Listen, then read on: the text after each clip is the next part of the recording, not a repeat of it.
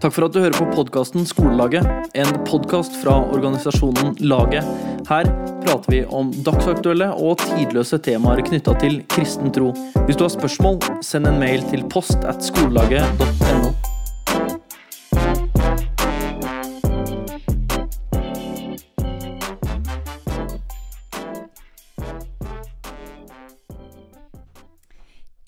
dag så har vi fått besøk av Synnøve Gylvår, som er prest i Den norske kirke. Hun ble født i Danmark, men flytta med familien sin til Norge i barndommen. Hun er engasjert for miljø og religionsdialog, og hun er ekstremt fargerik. Og kanskje kjenner du henne igjen fra plussord, eller en av hennes mange artikler eller kronikker i samfunnsdebatten. Så velkommen, Synnøve Gylvår. Tusen takk. Veldig koselig å ha deg her. Eh, jeg har jo visst hvem du er i ganske mange år. Eh, tror du talte på Skjærgårds eller noe sånt for eh, mange herrens år siden. Det stemmer nok. og det er jo på en måte lett å eh, Eller det er ikke på en måte lett å glemme deg, fordi at du ser kanskje litt annerledes ut enn mange andre prester som jeg på en måte er kjent med. Og det syns jeg er veldig veldig kult. Så du har liksom alltid vært en sånn inspirasjon, bare en sånn sterk kvinne og det å bare være seg sjøl for meg. Eh, så det har vært veldig kult. Takk. Veldig gøy. Men nå skal vi ha skoledagbok. Og Kristine, kan ikke du bare ta det videre derfra? Ja, Vår faste spalte skoledagbok, eh, det er alltid gøy. Så det vi pleier å gjøre da, er at jeg sier eh, f.eks. alder eller sivilstatus og sånn, og du svarer bare så kort og godt du kan. Um, og så bare går vi gjennom det. Mm. Mm -hmm. Så første er alder og hvor du er fra. Ja, da er det ikke så greit å svare kort og enkelt. Fordi at eh, når dere sitter her og snakker østlandsk og bergensk, så blir jeg litt schizofren. Fordi jeg er 55 år da, og født i Danmark. Dansk far, norsk mor. Og når jeg ser på deg, Kristina, så snakker jeg østlandsk, og det er jo mitt offentlige språk. Fordi jeg flytta til Oslo da jeg var sju, og var så redd for å bli mobbet at uh, i løpet av to dager så hadde jeg byttet helt dialekt. Men uh, det som er hjertespråket mitt, og som jeg da snakker når jeg ser på, på Sara Louise, det er jo en slags hva skal vi si, finslepet bergensk. Så til Gud og vestlendinger så blir det fort det. Ja, og dermed så skriver jeg veldig Ja, jeg gjør det. Og så skriver jeg jo veldig konservativt. Så jeg skriver jo 'Sneen og jenten' og nesten efter. Og så når jeg da skal snakke østlandsdialekten min, så blir jo det helt feil. Da blir det mer a-endelser òg. ja. Så men det får vi bare leve med. Får vi ta det med oss inn. Jeg synes det er fantastisk, for det er på en måte nesten to personer som har i studio på mange måter. Ja, det er mulig det kan lages en uh, psykologisk analyse av det, men jeg tror jeg kanskje skal legge nå. Men da har vi i hvert fall sagt det. For jeg ville blitt veldig forvirret hvis jeg satt på den andre ja, siden og hørte. Men nå vet vi i hvert fall at uh, Oslo-dialekten og bergensdialekten er både Ja, det er begge to. Begge er Synnøve yes. ja. Begge meg. Og så er dette kanskje litt til ære for akkurat nå verdens aller fineste vær ja. i Bergen. Og ja. da er det jo ingenting som er vakrere. Ja, er jeg skal prøve å ikke snakke så veldig tydelig østlandsk, så du, du kan legge litt over, du også. De neste spørsmålene skal jeg svare kort på. ja, men dette var gøy. Eh, jo, et annet spørsmål. Får du da litt mer sånn eh, sossepreg over eh, østlandsken din, da, hvis du har litt sånn bergenspreg på den? Eh, nei, definitivt nei. ikke. Okay. Fordi eh, Eller i hvert fall sånn jeg hører Men meg selv, så er det mer sånn indre Oslo by og mye A-hendelser. Mm. Eh, sikkert litt fordi jeg vokste opp på Nordstrand og eh, var litt i opposisjon til det. Og kom til gamle Oslo og kom hjem. Mm. Så jeg er vel litt kameleon. Men jeg tror nok heller at eh, kanskje bergensken min kan bli beskyldt for å være litt sånn eh, pen eh, gammel dame. Men jeg er jo snart en pen gammel dame, så det er ikke så farlig. Absolutt. Vi er jo midt på Kalfaret nå, så, og der snakker de jo veldig pent bergensk. Det er et fint strøk i Bergen. Ja, ja, ja. Mm, absolutt. ok, så da er neste Hvor bor du? bor jo... på Sankthanshaugen i Oslo. Ja. Eh, har bodd der med mann og tre barn og hund, og bor der nå bare med hund etter at mannen min døde i fjor, og unga flyttet ut i løpet av høsten. Mm. Kondolerer. Takk. Um, faget du likte, eller liker best, det går vel ikke. Faget du likte best på skolen? Det var nok språkfagene, så dermed både norsk og fransk og engelsk likte jeg veldig godt. Og samfunnsfag kom også høyt opp på lista. Mm. Så var du flink i latin? Eh, nei, jeg hadde ikke det da. Men eh, jeg er blitt ganske god i litt latin og litt, litt gresk og hebraisk etterpå. Kult. Veldig gøy. Eh, hva med faget du likte minst? Ja, Det var nok gym, for jeg var så elendig i ball. Eh, og jeg var, hadde så konkurranseinstinkt. Jeg ville helst ikke konkurrere, men hvis jeg måtte, så gjorde jeg det jo med livet som innsats. Og det gikk alltid dårlig med ball. Gøy. Eh, hadde du en favorittlærer som du kanskje tenker litt på den dag i dag, eller husker godt? Jeg har hatt mange fine lærere, og noen veldig rare lærere på barneskole og ungdomsskole. Eh, men jeg husker godt frøken Arntzen, litt streng barneskolelærer, som eh, lærte oss å pugge salmevers og snakket om blomster og bier i de viktige timene. Og jeg husker godt også Kvalvåg, som var min ungdomsskolelærer, og som var veldig sånn kunnskapsrik og heiet på meg. Og Breder, Kristine Breder, som var på videregående. Og Bjørnhaug, Vigdis Bjørnhaug, som også var på videregående, som jeg møtte nå for ikke lenge siden. Så ja, lærere setter spor. De gjør det. Hvilke videregående gikk du på? På Nordstrand. Em, du eh, Liker du noe? Nå kan du svare 'jeg liker' også. Prikk, prikk, prikk. prikk, prikk. Åh, jeg liker Nei, ikke alt, da. Jeg liker eh, engasjerte folk. Jeg liker dyr. Jeg liker teologi. Jeg liker eh, kakao av havregrøt og speilegg. Eh, jeg liker platåsko. Jeg liker eh, salsa og rock. Jeg liker å be. Jeg liker Venezuela og Madagaskar og USA, som jeg har bodd i ett år i hver av de landene gjennom livet. Ja. Wow! Det, Fantastisk. Det er nydelig. mye gode svar. Ja, nå har vi fått et sånn helhetlig bilde av deg som person, tror jeg. Mm. ja. Eh, jeg liker ikke prikk, prikk, prikk. Jeg liker ikke um, folk som ser ned på andre. Jeg skal ikke si jeg ikke liker dem, da, men jeg liker ikke at man ser ned på andre. Eh, jeg liker ikke merkepress og statusjag og forbruk som ødelegger jorda vår. Nordstrand Nei, jeg skal ikke si det. Kanskje litt derfor også. Jeg er derfra, så da kan jeg si det. Da kan du si det. Eh, og jeg eh, liker eh, ikke fordommer som jeg syns er lettvinte, da. Hvor man ikke i det hele tatt har prøvd å sette seg inn i ting. Vi har jo fordommer alle sammen. Men når de liksom er helt veldig, veldig dårlig fundert, så blir jeg litt sur. Ja, altså så liker jeg ikke Jeg likte aldri før å stå på om morgenen, men etter å ha hatt tre unger i mange år, så blir man jo vant til det. Eh, og så liker jeg ikke å sitte for mye stille, og jeg liker ikke å legge meg om kvelden. Det er helt fantastisk. Um, ja. eh, Hva luktet det i ditt barndomshjem? Wow. Mm. Det er et godt spørsmål, altså. Jeg husker jo noen sånne lukter jeg ikke likte. For eksempel mor og far var veldig glad i sopp. Så de drev og, og vi skulle alltid ut på sånn der matauk. Det burde jeg jo vært selv òg, det er jeg dårlig på. Men da lukta det jo sopp over hele huset når de stekte det til kveldsmaten. Så det likte jeg ikke. Men um, hva det lukta ellers Jeg likte veldig godt når mor laget leverpostei. Det smakte godt. Oi, laget. Ja, litt sånn grov, gammel leverpostei. Eller eh, bakte kommenskringler eller sånn gjærbakst. Um, ellers så var det nok, husker jeg nok mer lyder enn lukter. Neil Armstrong for eksempel, var veldig ofte på hjemme. Eller Eddie Scholler, som før han ble gift med Sissel Kyrkjebø, eh, hadde veldig mange gøyale plater. Eller Her er mye fitt enn jeg, for eksempel. og eh, ja, vi var husorkester. Jeg spilte surt fiolin, og de andre spilte surt eh, blokkfløyte og piano og tamburin og cello. Eh, så 'Twinkle Twinkle Little Star' ble tvangsframført hver gang det var noen innenfor døra. Ehm, Oi, jeg husker ikke så mange lyder. Nei, lukter. Det er veldig gøy med at hver gang noen var innenfor døren, så Fordi vi har i kollektivet, så har vi sånn at eh, Lil, nei, Lisa gikk til skolen må alltid framføres hver gang det er nye folk i kollektivet. Så må alle bruke instrumenter de ikke kan. Det høres jo ut som noe Og du har ikke fått noe traume av det? Ikke- Hvis du har det, så kan du få snakke med presten. Ja.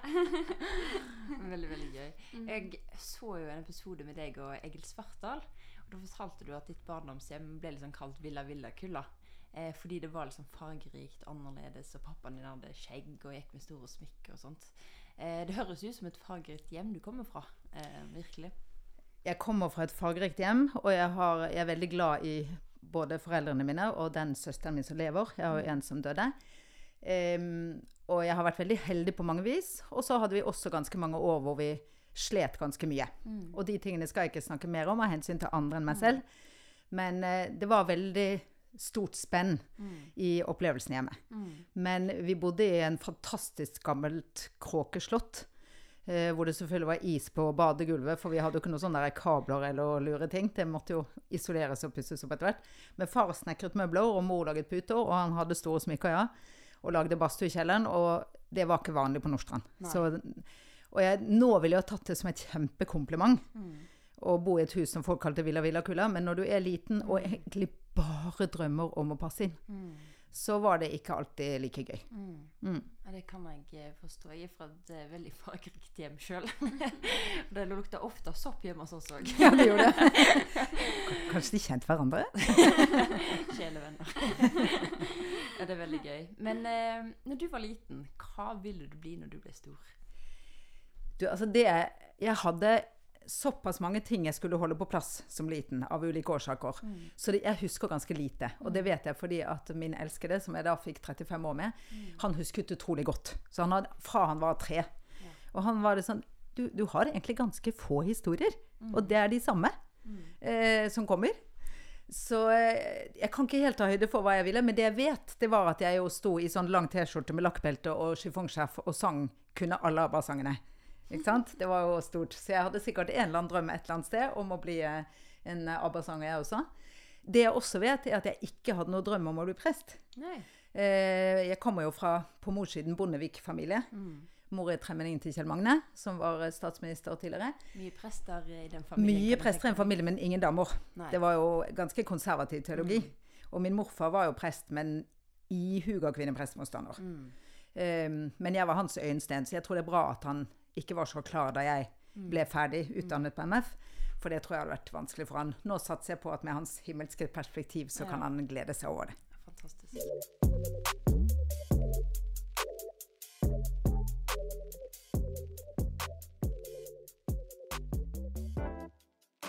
Vi skal bevege oss litt over på dagens tema. fordi Grunnen til at jeg spurte om du hadde lyst til å komme her i dag, Synnøve, er fordi at eh, Både fordi jeg syns du er ekstremt kul, men eh, du har en sånn visdom som jeg syns er utrolig inspirerende. Du skrev en kronikk i Vårt Land for en stund tilbake siden fordi Descent, som kanskje du har hørt om, har både blitt eh, applaudert, men òg mye kritisert for dette uttrykket å gå all in. Og det var en eh, person som skrev en artikkel som var ganske sånn kvass mot The Send, og kritiserte en del eh, elementer med det, f.eks. apologetikk og ulike elementer. Og så kom du med et, eh, noe som jeg syns var sylskarpt eh, og utrolig reflektert rundt dette her, om uttrykket 'det å gå all in'. Og mitt første spørsmål til deg i dag, Sunniva, er Du skriver i denne kronikken at du er miljøaktivist, prest og religionsdialogarbeider, og du har gått all in for dette. Hvordan ser egentlig dette her ut i ditt liv i dag? Det er jo på en måte vanskelig å svare kort på. Men for meg henger det veldig sammen, da. Det, det er inne i samme rolle. Og jeg tenker at det er vanskelig å gå all in i flere ting samtidig hvis de står i motsetning til hverandre. Tror jeg. Men hvis de på en måte henger litt sammen i en sånn større overbygning, eh, så kan det være mulig. Eh, min erfaring er at og nå må jeg ta høyde for at folk har ulike personligheter. Og jeg er ekstrovert, og jeg er mye ute i mange betydninger av ordet. Eh, folk kan gå all in på helt andre måter, som kan være mye mer innadvendte og stille. Eh, men som kan være like all in, hvis vi med det mener på en måte helhjertet. Det er jo litt det som ligger i det. Og jeg tenker når vi snakker om det helhjertede, så ligger det for meg i det også at vi både gir det oppmerksomhet, at vi gir det tid, at vi bruker av talentene og kreftene våre, at vi bruker av økonomien vår, at det får utslag i konkrete handlinger og valg i hverdagen. Så når jeg sier at jeg er miljøaktivist og prest og religionsdialogarbeider, så skal det, og at jeg går all in i det, så forventer jeg av meg selv at det skal prege hele livet mitt. Og da, hvis jeg skal konkretisere det, så handler det f.eks. For, for min del om å ta en del grønne valg i hverdagen. Jeg tror ikke Kirken skal foreskrive partipolitiske løsninger i saker, men jeg tror at jeg som prest og åndelig leder må ta noen synlige grep som formidler hva jeg tror på, og hva jeg ønsker å leve for. Og da handler det f.eks. om å ta noen grønne grep, om å ikke ha bil, ikke fly, eh, velge å kjøpe brukttøy, eh, velge å resirkulere og reparere, begrense reising og heller ta lengre reiser når du først gjør det. Eh, det handler om hva jeg gir pengene mine til. Det handler om å gi tiende, f.eks. Eh, det handler om å eh, Hvem jeg stemmer på ved politiske valg. Eh, når det gjelder det å være prest, så handler det jo for meg om å f.eks. gå med T-skjorten min Stort sett når jeg er på jobb, da. Ikke sant? Jeg sitter ikke hjemme på middag med barna, eller gjorde ikke det når de var små. For det er jo noe med at de skal få oppleve meg som noe annet enn prest nå. Men, men alltid på jobb å være synlig og være tilgjengelig så mye som mulig. Og T-skjorten, der står det 'prest' med store bokstaver. da. Det er veldig tydelig.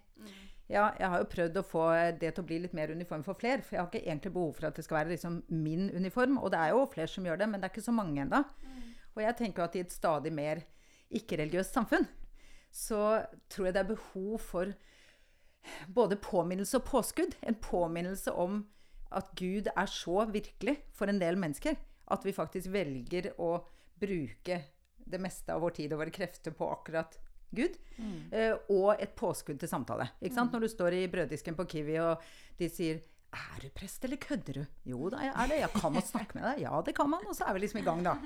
Eller kanskje avtaler en annen tid, hvis det er store ting. Men bare for å holde tråden litt, grann, eh, Sara Louise, at, at eh, da som prest så handler det f.eks. om å mange ganger om dagen gjøre korsets tegn. Stoppe opp, kjenne hvor kommer jeg fra? Hvem er det som bærer meg? Hva er det som driver meg? Det handler om morgenbønn og kveldsbønn. Det handler om å gå til kirken på gudstjenester også når jeg selv ligger på jobb. Det handler om å eh, lese teologi, snakke med folk, være i en bibelgruppe hvor jeg kan dele erfaringer og tro og liv også som ikke bare presten, men som venn. Ja, det handler om ganske mange ting på den biten. Og når det gjelder religionsdialogarbeidet, så handler det jo f.eks. om å bygge relasjoner så det ikke bare er folk jeg møter på en konferanse mm. og shake hands og snakker pent med, men at det er mennesker som jeg er glad i, som inviteres i bursdagene mine, som jeg deler liv med, som jeg skriver andagsbok sammen med, som jeg har gjort med Bush. Da. Eh, og det handler om å litt ubehagelig stå opp f.eks. på fest når folk begynner å snakke eh, nedsettende om muslimer eller jøder eller, eller andres tro eller livssyn. Da. Mm. Det handler for meg både om å formidle mitt eget livssyn og min egen tro så nyansert og begeistret som mulig, eh, og tydelig. Men samtidig invitere de andre til bordet. Det er uredelig hvis vi sammenligner best version av vårt eget livssyn med dårligste ekstremversjon av noen andres. Det går ikke an. Vi må tro nok på kraften i evangeliet til at vi kan invitere inn til samtale og lytte og fortelle. Jeg har jo fått spørsmål etter jeg laget den andelsboken. Ja, er du ikke redd for at hele Norge blir muslim når du skriver en sånn bok? Og så tenker jeg, hvis jeg har så liten tro på evangeliet, da burde jeg konvertere meg selv med en gang. Altså i et demokrati hvor folk har trosfrihet, eh, så må vi faktisk stole på at vi kan lage en åpen og mangfoldig samtale hvor alle får komme fram på, på best mulige likeverdige premisser. Og så ikke tenke at eh, å ja, nei, da kommer sikkert noen til å tro noe annet enn jeg vil de skal tro. Eller. Ja. Så interessant. Mine liksom, refleksjoner til det du sier, er på mange måter at eh, man lever, det å gå all in er på en måte å være litt sånn hel ved. At man eh, Det blir ikke bare en jobb man gjør, eller noe som man liker, men det blir på en måte en livsstil på mange måter. Det er liksom hele deg i alle ups and downs av livet på mange måter. Og jeg syns det er veldig spennende å høre deg reflektere rundt dette. Eh, det som jeg lurer på, eh, Sunniva, er eh, For mange som hører dette uttrykket 'all in', så kan det vekke en del sånne reaksjoner innvendig. Kanskje dårlige erfaringer. Kanskje de har opplevd noe sjøl med dette her, eller noen andre de kjenner. Um, hva røde flagg er det du tror mange måtte oppleve rundt dette 'all in'? Nei, Jeg har jo møtt mange av de også, som prest. Eh, og det er klart at det kan være ødeleggende. For all in, eller det å være helhjertet eh, etterfølger av Jesus Kristus, for å si det sånn, det kan ikke være noe som du skal gjøre uten at det er rom for kritiske spørsmål eller personlige tilpasninger eller opp og ned, som du sier, tro og tvil. Eh, valg som varierer litt på hvordan vi tar konsekvensen av troen vår. Eh, og det er klart at det fins absolutt både nå, og har ikke minst vært mye av det før, eh, miljøer, og kanskje særlig ungdomsmiljøer, eh, hvor man har opplevd, hvor, hvor, folk har opplevd et press på å eh, gi alle penger, all tid, alle følelser, eh, alt engasjement inn. Og hvis de ikke har gjort det, så har de på en måte ikke vært kristne nok eller troende nok. Eller at hvis du ikke har sterke nok opplevelser, så er det fordi du tror feil. Eh, og det er klart i sånne sammenhenger så blir all in ødeleggende. Eh, og jeg tror at det er utrolig viktig at vi har de samtalene. Og jeg opplever at veldig mange norske kristenledere har en høy bevissthet på dette nå. Eh, nettopp for at vi kan unngå både de ødeleggende konsekvensene da, av å oppfordre til et sånt engasjement, men også unngå å kaste ut barn med badevannet. For det du refererte jo til den kronikken, og da opplevde jeg litt at hun som da skrev, eller den kronikken, eh, ga litt uttrykk for at ja, ja, det er den ungdommelige gløden, og som er litt umoden, og som kan være farlig, eh, men at når vi blir voksne og modne, så blir vi mer balanserte og nyanserte. Og jeg tenker det er også litt farlig, for det hjelper meg for et radikalt evangelium vi har å formidle. Og jeg kjenner, ikke sant, Nå er jeg 55 og middelaldrende, og jeg kjenner litt på hvor er dere, folkens, på å stå på stolene. Når jorden holder på å bli ødelagt, når stadig færre mennesker i Norge har nære relasjoner til noen som har en personlig tro, religiøs tro, eh, når polariseringen øker, da må vi stå opp på stolene, da må vi gå i tog, da må vi snakke høyt med utestemme. Eh, og så skal vi gjøre det med respekt for andre, og vi skal tåle uenighet. Og vi skal lytte, ikke bare bråke og rope. Men vi må ikke miste gløden og energien. Og jeg tror av og til ikke sant? Nå har jeg hatt ganske krevende år de siste årene. Både med en ulykke selv, da jeg holdt på å dø, og med Ellers Christian, som da ble syk og, og døde av kreft i fjor. Um, og man, vi, vi sørger forskjellig, og vi håndterer kriser forskjellig. Men av og til så tror jeg liksom at litt for mange tror at det handler om å um, ikke bruke for mye energi. Ikke investere for mye. Både i mennesker og i tro og i alle mulige ting. Og at det dels handler om en sånn forestilling om at energien er en sånn kake, og at hvis du tar ut biter, så blir det færre igjen. Eh, og det er jo til en viss grad riktig, særlig hvis man har en helse som tilsier det. Men også at det er en sånn ehm, Jeg er redd for å bli for involvert, på en måte. Eller jeg er redd for å føle at Gud krever for mye. Mens jeg tenker jo min erfaring er at det er nettopp når vi gir mye, at vi får mye også. Eh, og at energi er en fornybar ressurs. Hvis jeg går på prekestolen og er der litt sånn halvveis, og nå går jo ikke jeg på prekestolen, da, men foran i kirken, og er der litt sånn halvveis, så vil jeg også få halvveis tilbake. Men at hvis jeg virkelig Altså på sist søndag, som i dette tilfellet da var første påskedag, så sto jeg og prekte om oppstandelsen, og så fortalte jeg også hva det betød for meg at min søsters første bursdag etter han døde, landet på første påskedag, og Lars Kristians første bursdag etter han døde, landet på første påskedag. Han hadde bursdag sist søndag. Og da brast stemmen. Og så måtte jeg puste og hente meg inn igjen et par ganger. Men, men jeg klarte fint å gjennomføre. Eh, og det er klart at eh, jeg var sliten etterpå, og jeg visste jo at dette var å gå tett på. Men det var jo også helt fantastisk å møte den omsorgen i menighetsfellesskapet. Så jeg tror liksom av og til at vi tenker vi skal spare og spare og spare, og så blir ting litt halvveis. Og når vi da har en Gud som ble menneske og døde og oppsto, og som sier at vi skal elske Gud og elske vår neste som oss selv, og vi skal gi bort én kjortel når vi har to, og vi skal gå den annen mil, og vi skal holde på å forandre verden, så tenker jeg at da er det litt rart å tenke at vi liksom skal gjøre det litt sånn forsiktig. Men så må selvfølgelig vi ha kloke veiledere og mentorer. Ikke minst fordi at i en ungdomsfase så er det fort litt svart-hvitt og store ord. Og, og det er klart at hvis, vi da, hvis det da blir på en måte målet på troen, at du har de høyeste hendene og den sterkeste lovsangen og de flotteste opplevelsene, eh, og at du gir gjerne hele tiden døgnet rundt, så tenker jeg at da kan det fort bli at du går på en smell.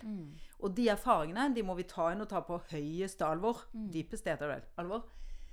Men, men jeg tror samtidig på det å lete og beholde gløden, da. Og for min del, jeg har en sånn survival kit da, som jeg pleier å eh, anbefale. For jeg har jo vært glødende aktivist og entusiast i 30 år, da. Og jeg tenker det første er at vi må hver dag både se noe av det som eh, gir oss fortvilelse og raseri og sinne og mismot i verden. Og så må vi hver dag se noe av det som gir håp og glede og eh, stolthet. Begge deler. For sånn er verden. Og hvis vi lukker øynene for det ene eller det andre, så betyr det enten at vi er så privilegert at vi liksom kan flykte inn i vår lille feel good-boble, eller så betyr det at vi overmannes og overkvinnes av eh, hvor mye lidelse og urett det er i verden eller i vårt eget liv. Og da tror jeg ikke vi klarer oss i lengden. Og det andre jeg tenker vi må gjøre, det er å ta grep. Og som klimaaktivist så er jo det noe av det som ligger mitt hjerte nær. For jeg har opplevd at veldig mange er redd for eh, klimaendringene og miljøendringene. eh, Og sørger over det, men samtidig ikke vet helt hva de skal gjøre. Og så blir de bare gående rundt med en litt sånn vag dårlig samvittighet. Enten de er religiøse eller ikke. Mens min erfaring er jo at jeg tror jo ikke at jeg frelser verden ved ikke å fly, og ved å ikke kjøpe nytt tøy. Men jeg tror på at når jeg tar noen konkrete hverdagsvalg ut fra min overbevisning, så frigjør det energi og håp. Og så er jo jeg der at jeg tror jo ikke at alt blir bra på denne siden av eh, døden. Jeg tror at en gang utenfor vår tid så skal Gud nyskape himmel og jord, gjenopprette. Det skal være en dommens dag hvor vi skal stå til regnskap for våre liv og for hva vi har gjort i verden. Men det skal en gang bli alt godt og rettferdig. Eh, og det gir jo meg kraft til å tro. Og oppstandelsen forteller meg da at livet er sterkere enn døden. At Gud har det siste ordet, og det er sagt. Eh, og det er en enorm forskjell.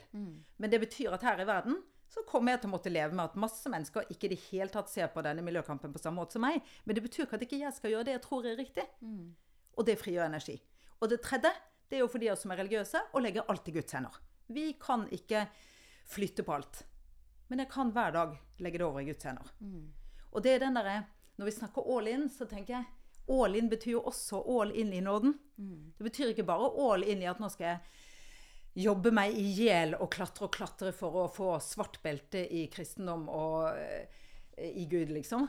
Men det betyr også at jeg skal virkelig ta nåden til meg ordentlig før jeg gir den videre. Ikke sende den videre på sånn armlengdes avstand til de som trenger den litt mer enn meg.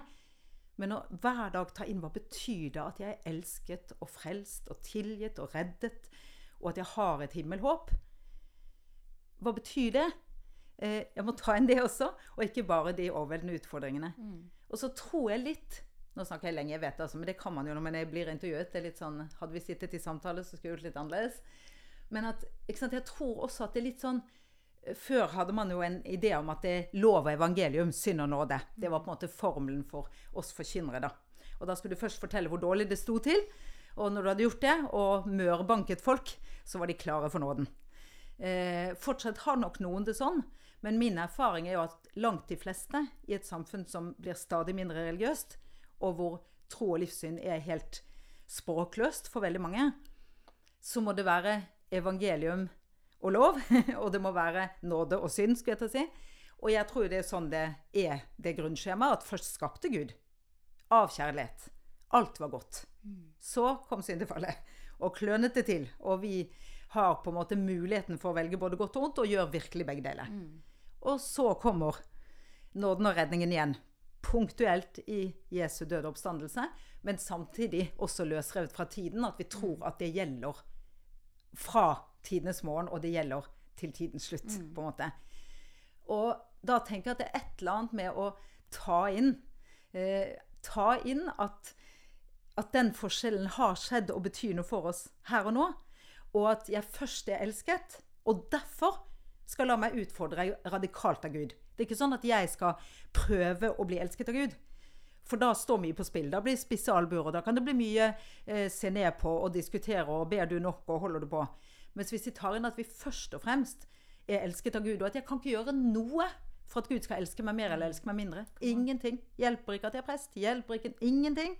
Og Derfor syns jeg det er fint å være en barnedøpende kirke, selv om jeg har stor forståelse for at vi har ulike syn på, på dåp. Så kjenner jeg det å stå og døpe barn nesten hver søndag, det syns jeg er fantastisk.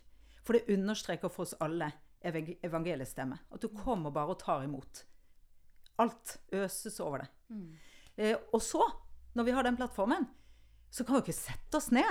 Altså, da, da er det jo noe med å ta den så inn at vi ikke kan la være å gi den videre. I ord og i handling. Hver eneste dag. Og det kjente jeg når Lars Kristian døde. Så tenkte jeg oppgaven min er akkurat den samme som den alltid har vært. Å prøve å elske Gud og elske mennesker som meg selv. Og hva betyr det å elske Gud? Jo, det betyr å bruke tid med Gud. Det betyr å be. Det betyr å lytte til hva Gud har hatt som ønske og vilje for denne skapelsen. Og prøve å være en del av det. Å elske mennesker, det vet vi jo mange hva kan bety. Det kan bety en praktisk håndsrekning, et godt ord, en eh, solidaritetshandling. Å gi penger og gi tid. Eh, det kan bety mange forskjellige ting i våre liv. Men jeg tror det der å, å ha det der overordnede prosjektet Jeg merker jo at når også mennesker nær meg kan si at de opplever at det ikke er en mening med livet, så kan jeg ikke kjenne meg igjen i det hele tatt. For jeg opplever jo at livet er stappfullt av mening. Nettopp i det, da. Men jeg vet at jeg er heldig. At det er ikke alle som kjenner det sånn. Det du snakker litt om nå, eh, er jo egentlig også det at eh, Gud har gått all in for oss. Så det er trygt å gå all in. Eller sånn. Ja, det kan du godt si. Jeg vet At ikke, jeg har tenkt på det på synd, nåde, nåde, synd. Rekkefølgen. Den er, vi har snakket masse om eh, liksom dette med lov og evangelium i denne podkasten, Å ja. faktisk. eh, og meg og Kristine er begge lidenskapelig opptatt av dette her med at at vi er først elska. Og det er så sykt viktig da, som kristne. Og jeg tror veldig mange har litt sånn misforståelse. Det er mye misforståelser. Og vi reiser jo masse rundt og har Grillen kristen på masse ulike skoler i, rundt om på Vestlandet. Eh, og da møter man mye sånn kanskje fordommer da, og misforståelser som folk har om den kristne tro. Man tenker at man må være god nok for at Gud skal elske oss. Men liksom hele evangeliet er jo akkurat det motsatte. Vi er først og fremst elska liksom 100% og det er ingenting jeg kan gjøre for å fortjene nåden. Fordi det det har vi også snakket masse om, at hvis vi skal jobbe oss til frelse, så er liksom Jesu død til ingen nytte. Og det er så sykt viktig, dette her vi snakker om. Og liksom, ja, det er helt fantastisk, eh, Sunniva. Og utrolig inspirerende å høre dine perspektiver på rundt dette, altså. Ja, virkelig. men, men jeg, jeg er helt enig med deg og med dere. eh, og jeg tenker at nettopp det der er Hvorfor, hvorfor døde Jesus for oss? Eh, så tenker jeg at det å forstå det kan man jo snakke lenge om, altså Jesu død på korset. For jeg tenker jo at en del forkynnere er altfor ureflekterte på hvor lite logisk det kan være for folk. Jesus død på korset, det er den største kjærlighetserklæringen. Why? Og hva er connection, liksom? Han der på korset, jeg uten skyld for hva? Og jeg vet ikke om jeg føler meg så veldig skyldig. Altså, ikke sant? Det, av og til sitter vi i en sånn boble hvor vi liksom tenker at dette er det viktigste og fineste og enkleste å forklare. Og så kan det fra utsiden se ut som at en eh, blodtørstig gud krever hevn for å bli tilfredsstilt og ofrer sitt eneste barn i en eh, umenneskelig lidelse på korset. Altså, det er et eller annet med å skjønne at dette ikke nødvendigvis gir seg selv. Da. Men for meg blir det samtidig viktig å si til folk at jeg tror ikke du kan catche nåden uten å ta på alvor og tenke at vi mennesker og verden er preget både av det gode og det onde, og at vi trenger redning og frelse. Og at vi har fått det. Og at vi kan ta imot det. For hvis ikke så blir det litt sånn Jo, vi er egentlig greie på bunnen, og er, han, Gud elsker oss. Og hvis vi bare stopper der, så blir det sånn Ja, ja, men hva i resten av evangeliet skal vi ta det med? Trenger vi egentlig det? Blir det ikke bare litt vanskelig eller slitsomt? Så jeg tror det å, å ha med radikaliteten i eh, at vi trenger frelsen. Og vi trenger ikke å kikke langt innover i oss selv, de fleste av oss, hvis vi har rimelig selvinnsikt. Og i hvert fall ikke langt ut i verden, eller på en nyhetssending, før vi vet det. At vi er i stand til både de mest fantastiske og de mest bestialske ting. Ikke sant? Og det, det å ta det inn og vite at sånn er det, og dessverre vil det være sånn i denne tiden, tror jeg. Så lenge, altså, så lenge vi er innenfor vår verden, for å si det sånn. Eh, Men samtidig at i det så har også frelsen kommet, da. Og Guds rike brutt fram. Eh, og at derfor så kan vi våge, og bør våge, å elske og gi. Og som du sa i stad, Kristina, det å, å gi all in fordi Gud har gitt all in. Eh, men vi er jo ikke Gud. Det tror jeg liksom er viktig å si. At, at, at det, ser, det ser litt annerledes ut. Altså Vi skal fortsatt få hvile Gud på en annen måte enn Gud hviler i oss, for å si det sånn. Ja, Men, men vi har fått et inspirerende forbilde. Og det er noe med at eh, sant, Jesus løfter fram den fattige enken som ga de siste myntene. Jeg vil jo si hvor lurt var det, liksom. Men jeg tenker samtidig at det der å, å nettopp løfte fram at det går an å få en velsignelse av å gi alt også. Men uten å lukke øynene for de eh, hva skal vi si, ødeleggende konsekvensene det kan være. Og derfor er det jo for alle oss som er åndelige ledere, da, og kanskje ikke minst barne- og ungdomsledere, så er det jo et kjempestort ansvar å se hvem er det som kan trenge rett og slett en eh, vennskapelig spark bak, og på en måte ta troen sin og livet sitt mer på alvor. Eller kanskje befriende oppdage hvor lite viktig noen av de greiene er som du stresser med. Eh, fordi noe annet er større og viktigere. Som eh, min datter, som nå er leder av Natur og Ungdom, sa eh, tidligere i, i eh, tenåringstiden, når jeg spurte om liksom kroppspress og drikkepress og sexpress, sa de sånn Mamma, vi holder på med viktigere ting. Vi skal redde verden. Det, så var det sikkert litt andre ting som ikke var så viktige, men altså den der opplevelsen at det er noe større som gir perspektiver, da. Det tenker jeg at er utrolig viktig og givende. Og så er det samtidig å se at noen kanskje trenger å bli holdt litt tilbake. Eller i hvert fall bli spurt passer du på også å hente deg inn. Passer du på også å ha stedene der du finner hvile. Hvor er det du henter påfyll? Eh, ikke sant? At, at det er noe med at vi er ulike og trenger ulike ting. Men min erfaring er jo at Gud alltid både bekrefter og utfordrer oss. da. Hvis man bare føler seg bekreftet av Gud, så har jeg kanskje litt behov for å klø deg litt. Og hvis man bare føler at Gud utfordrer, så tenker jeg også da må jeg som åndelig veileder for noen si da må vi utforske. Hvordan kan Gud oppleves som en som elsker deg og bekrefter deg, og ikke bare en som på en måte gir deg nye oppgaver. Neste spørsmål. Hvordan skal for eksempel, Har du en 16, 17, 25, 45, 75-åring som ikke har liksom funnet noe å engasjere seg for? Um, hva vil du si er liksom noen tips til å liksom finne noe å brenne for, eller en lidenskap? Eh, noe å gå all in for? Jeg satt på fest for noen år tilbake og ble sittende ved siden av en uh, ung kvinne. Og det er jo verdens beste sjekketriks, hvis man skal kalle det det, å være prest. Fordi et av de første spørsmålene, hvis ikke man har for mange arbeidsledige eller uføre venner, som man har skjønt at det er ikke alltid et bra spørsmål, så vil man ofte stille spørsmål hva driver du med, for å komme i gang med samtalen. Og når du da er prest, så er det jo aldri likegyldig. Altså da blir det de store samtalene, ikke sant? Absolutt. Og når jeg var på den festen, så denne unge kvinnen ved siden av meg, hun, eh, da hun hørte hva jeg drev med, sa hun det var så spennende, og det kunne hun godt tenkt seg, men Gud har ikke blitt interessant nok for meg. Og så måtte jeg si til henne at min erfaring er at Gud blir dessverre veldig sjelden interessant nok helt av seg selv. Jeg tror Gud er det, interessant nok i seg selv. Men min erfaring er at de aller fleste de får ikke en sånn opplevelse som eh, Paulus i Bibelen, med liksom eh, lyn og stemmer fra himmelen og slått til jorden og blind i tre dager. Og det, er jo ikke, det er jo ikke rart man blir religiøs da. Men de fleste må liksom klinke litt til. Oppsøke et fellesskap. Oppsøke en veileder. Gjøre noen praksiser. Bruke noe tid og noen krefter på å finne ut av noe.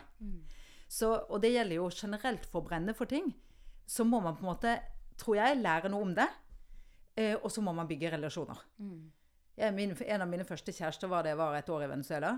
Og han var lidenskapelig opptatt av baseball. Jeg syntes det var så dritkjedelig, og de kampene tar jo altså timevis. Og da var jeg bare nødt til å be han fortelle. Ikke sant? Finne noen favoritter jeg kunne være med og heie på. Bestemme meg for at OK, jeg elsker han, og da skal jeg på en måte gå, om ikke all in, så i hvert fall litt inn i denne verden. Og da blir det jo mer spennende etter hvert. Og så tenker jeg jo at eh, i forhold til det å engasjere seg, at veldig mange av oss Altså det ligger i oss at den der er den største glede du kan ha, det er å gjøre andre glad. Så det å engasjere seg i eh, sivilsamfunnsorganisasjoner, om det er menigheter, om det er idrettsorganisasjoner, kulturorganisasjoner, politiske partier, men hvor du faktisk er med på å gjøre noe for andre, så tenker jeg så trenger du ikke alltid å ta din egen emosjonelle temperatur. Hvordan kjennes dette nå? Er det meningsfylt nok nå? Da kan jeg på en måte gå på jobb eller gå på denne aktiviteten og vite at ok, nå gjør jeg leksehjelp som betyr noe for noen. Og så kan vi liksom av og til legge litt vekk. Er det meningsfylt nok nå? Er det kult nok nå? Er det, ikke sant? Og bare være litt i at vi gjør noe som er bra. Og det så er jo min erfaring at jo mer energi du putter inn i ting, jo gøyere blir det. Altså en, en fest hvor alle sitter egentlig kule tilbakelente og venter på at noen andre skal gjøre det gøy, det blir jo ikke gøy. Og det å uh, kjøre berg-og-dal-bane hvis du ikke hyler, det er ikke gøy. Altså det, det, det er liksom sånn, Man må bare kjøre litt på. Jeg tenker jo at eh, verden beveger seg jo, og har alltid gjort det, av folk som har på en måte hatt en lidenskap, eller hatt, har gått all in for ting. da, Altså skoler, sykehus, eh, forskning. sant? Det er jo folk som har en lidenskap for noe, og som setter seg skikkelig inn i det, og som jobber og brenner for det.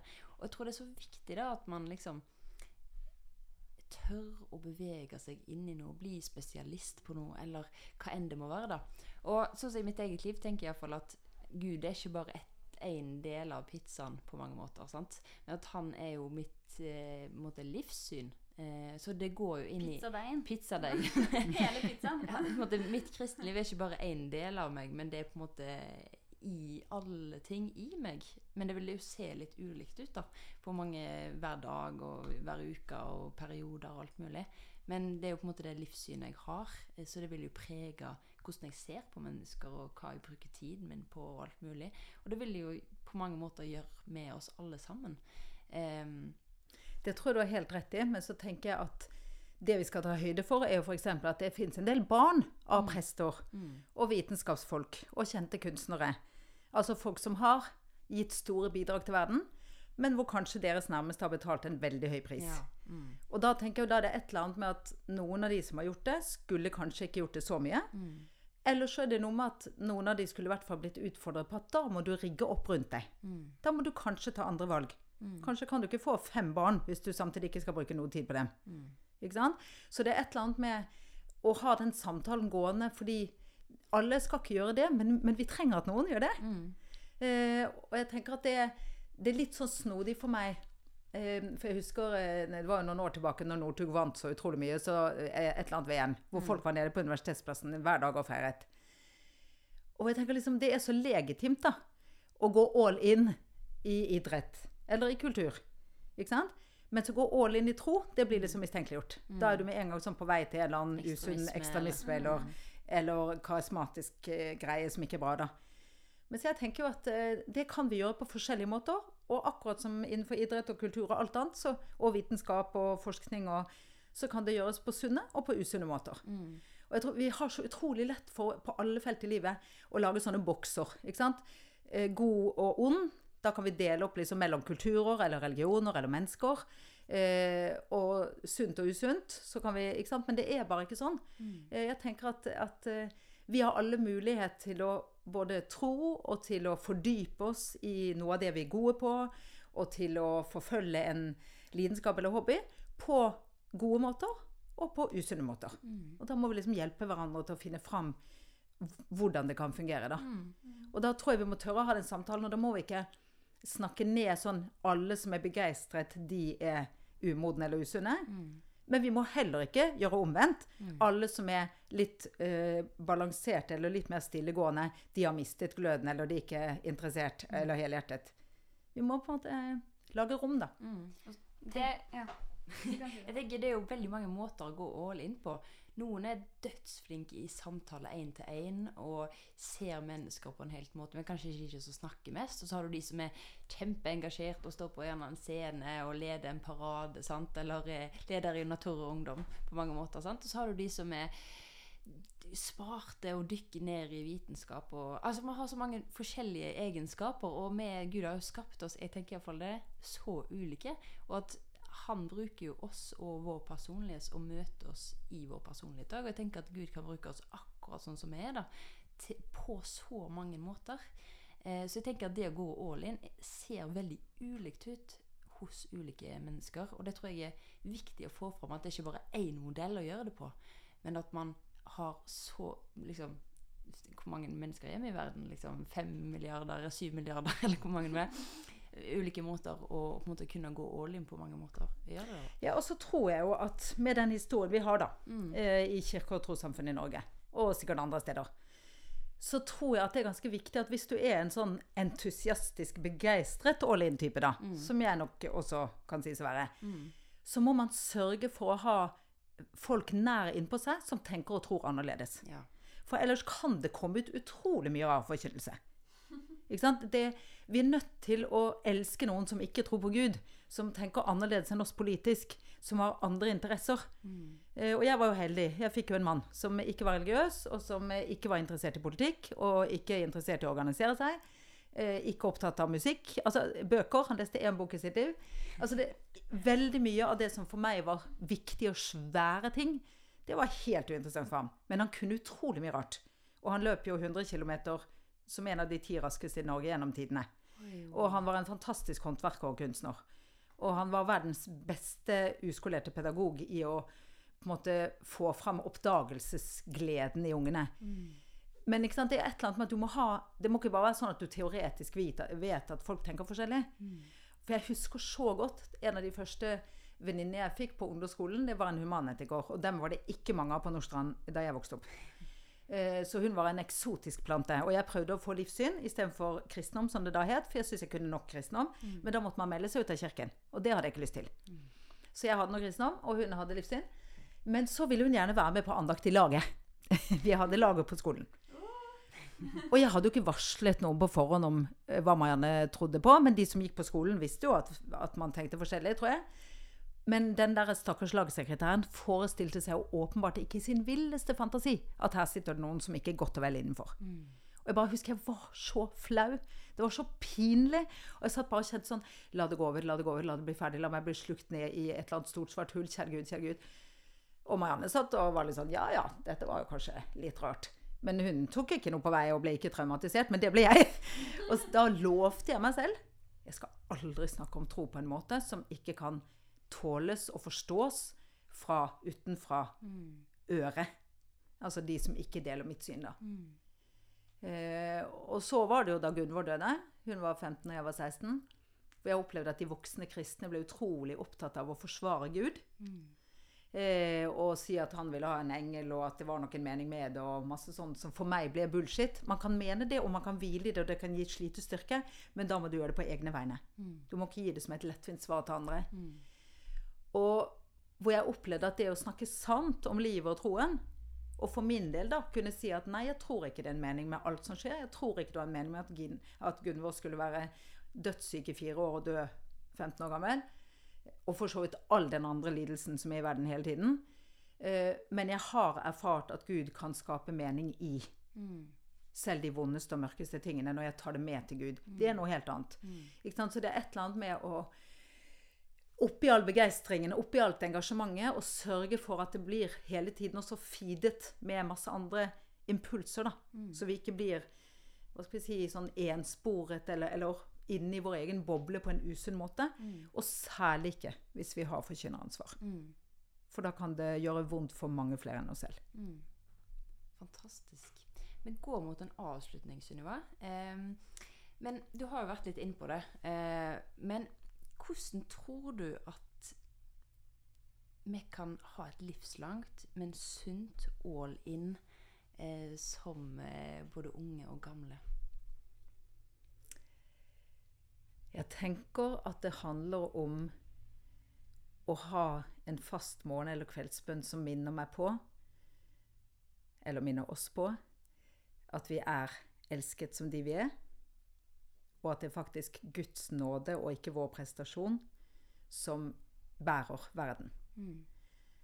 Og så tror jeg det handler om å eh, gi gjerne når vi først gjør det. Vi kan godt øve oss på en eller annen rar hobby hvis det er litt lettere. Bli utrolig fans av et fotballag eller en eh, rockeklubb, skal jeg si. Hva som helst, men øve oss litt i å brenne. Og så tror jeg det handler om å hele veien ha noen mennesker rundt deg som ikke har annen agenda enn at de også er glad i deg. Som ikke liksom bare brenner for det store prosjektet, om det er Gud til verden, eller om det er andre ting. Men som er opptatt av hvordan har du det egentlig nå? Og så tror jeg det handler om å finne ut, da, som for min del, f.eks. å sørge for at jeg trener nok og sover nok hver dag. At jeg spiser nok. At jeg gjør alltid også plass til noe av det som bare gjør meg glad. Å synge eller gå med hunden. Ja, og så tenker jeg at eh, om kvelden da handler om å overgi hele dagen i Guds hender. Fordøye dem på en måte sammen med Gud. Eh, og prøve å legge det der sånn at jeg kan hvile ordentlig når jeg skal hvile, da. Fantastisk. Og da er min erfaring så langt da, Jeg vet jo selvfølgelig ikke. Jeg håper at jeg har mange år igjen som prest. Men foreløpig så tenker jeg at det har eh, vært bærekraftig i massevis, også gjennom ganske krevende livserfaringer. da. Så har vi kommet til siste spørsmål, eh, og det er Hva ønsker du å si til dagens ungdom?